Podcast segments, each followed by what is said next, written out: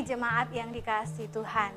Bersyukur boleh menyapa lagi kita di dalam program GKM Menyapa edisi hari ini. Saudaraku yang dikasih Tuhan, kita sering kali mendengar satu kalimat yang banyak sekali kita dengar di mana-mana. Banyak orang selalu berkata, Allah tetap memelihara. Dari beberapa sebagian orang sering kali salah kaprah untuk memaknai bagaimana Allah memelihara umatnya. Sebagian orang tersebut sering kali memaknai penyertaan atau pemeliharaan Allah yaitu ketika hidup ini lancar-lancar saja. Ketika hidup ini tidak ada hambatan seperti jalan tol yang terlihat lancar-lancar dan aman. Tetapi bagaimana ketika pandangan iman Kristen memaknai tentang pemeliharaan Allah? Mari kita melihat satu kisah dari bangsa Israel ketika mereka yang disebut adalah umat Tuhan yang sangat dikasihi Allah. Tetapi mengapa mereka harus mengalami hal-hal sulit dalam kehidupan mereka?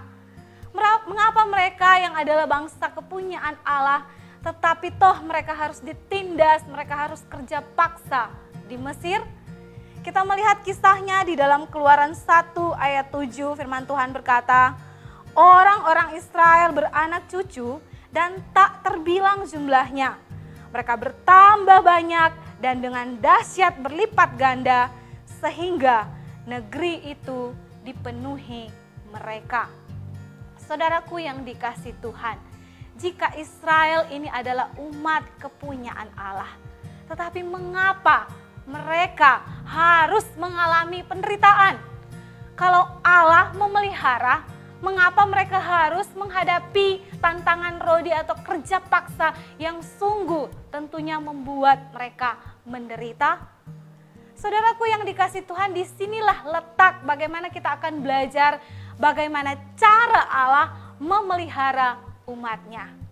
Ketika berefleksi dalam kehidupan bangsa Israel, maka kita akan menemukan tiga cara atau tiga wujud pemeliharaan Allah yang nyata di tengah-tengah bangsa ini.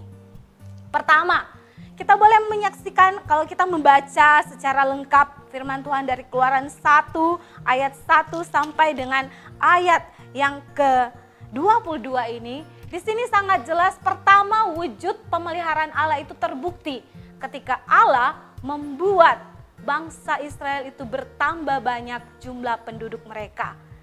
Jumlah penduduk khususnya laki-laki. Kita tahu bersama bahwa ketika di dalam perang atau dalam satu bangsa itu dikatakan bangsa yang besar ketika jumlah penduduk laki-lakinya banyak. Dan inilah yang dirasakan oleh bangsa Israel. Wujud penyertaan Allah yang kedua kepada bangsa Israel ketika Allah sendiri memakai dua bidan yang dikatakan mereka tidak mengenal Allah, tetapi Allah dengan kedaulatannya memakai mereka. Dua bidan tersebut adalah Sifra dan Pua. Sifra dan Pua ini dipakai Tuhan untuk menyelamatkan wanita-wanita Ibrani ketika mereka melahirkan anak laki-laki dan akhirnya tidak dibunuh oleh Firaun. Dan yang ketiga adalah cara Allah memelihara umatnya ketika Allah sendiri memanggil, memilih Musa untuk menjadi pemimpin bangsa Israel, mengeluarkan bangsa Israel dari tanah perbudakan. Saudaraku, dari kisah ini kita belajar membenturkan dengan kehidupan kita. Mungkin kita pun merasa apakah Allah masih memelihara kehidupan kita? Tetapi kita harus berani percaya bahwa cara Allah memelihara kita memang sering kali kita tidak pahami. Tetapi yakinlah seiring berjalannya waktu, ketika kita menggunakan kacamata iman, kita percaya bahwa pemeliharaan Allah itu ada dalam segala bagian kehidupan.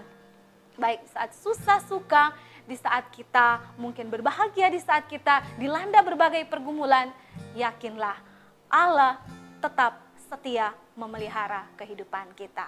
Kiranya Tuhan menolong kita menjalani perjalanan hidup bersama dengan Tuhan. Amin.